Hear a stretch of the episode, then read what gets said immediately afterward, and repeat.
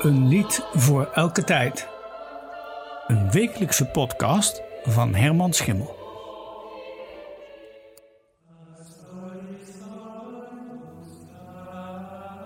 Er bestaat een hymne met als titel A solis ortis cardine. Oorspronkelijk was dat een hymne met 23 coupletten. Elk couplet begon met een letter uit het alfabet. De hymne vertelt over het leven van Christus, vanaf zijn geboorte tot aan zijn opstanding. Het lied stamt al uit de vijfde eeuw en werd gebruikt in de katholieke liturgie. En dat is nog steeds zo. Alleen zijn van al die coupletten alleen de eerste overeind gebleven. Die van kerst en epifanie.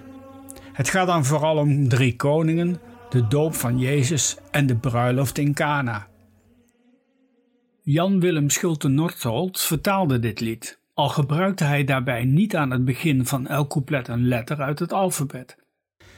In het huidige liedboek is het opgenomen onder nummer 516 met als titel Van het vroeg licht tot de dageraad. In het liedboek voor de kerken was dit gezang 156. A solis ortis cardine ad usque terre limitem. Van het vroeglicht tot de dageraad, tot waar de zon weer ondergaat.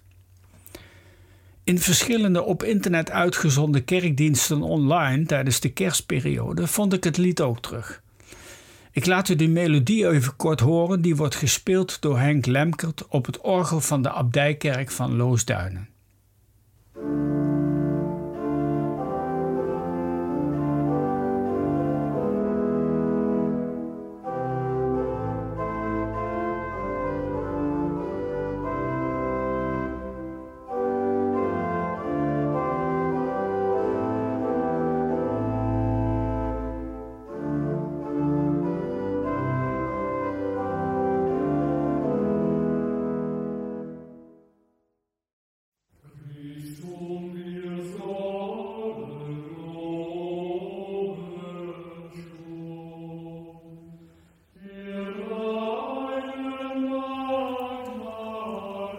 De melodie, zoals u die nu hoort, is al in de vroege Reformatie aangepast door Martin Luther en kreeg als titel Christum wir sollen loben schon.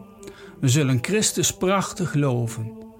Luther gebruikte bij zijn melodie de oorspronkelijke Gregoriaanse melodie van Asolis Ortis Cardine. Luister nu naar Andrew Parrott met zijn Tavener Choir in Christum wir sollen loben schon van Martin Luther.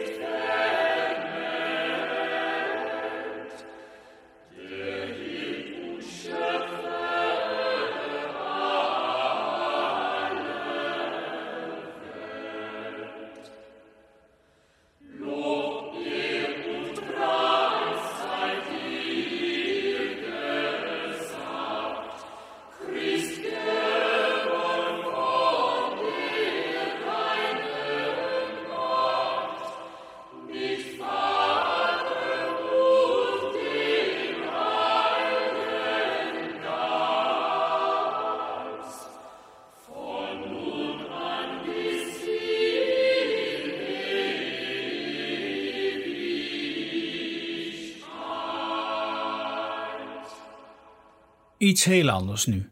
Ik las deze week in Trouw een artikel over de Franse componist Saint-Saëns, omdat dit jaar is uitgeroepen tot Saint-Saëns-jaar. Eind vorig jaar verscheen er in het blad Vocaal van de KCZB ook al zo'n mooi artikel van Michel Hodes over de betekenis van zijn Oratorio de Noël. Saint-Saëns schreef dit stuk in 1858 in 12 dagen en hij was toen pas 23 jaar. Op dat moment was hij organist in de Église de Madeleine in Parijs. En van dat Oratorio de Noël bestaan veel uitvoeringen op YouTube, mooie en minder mooie.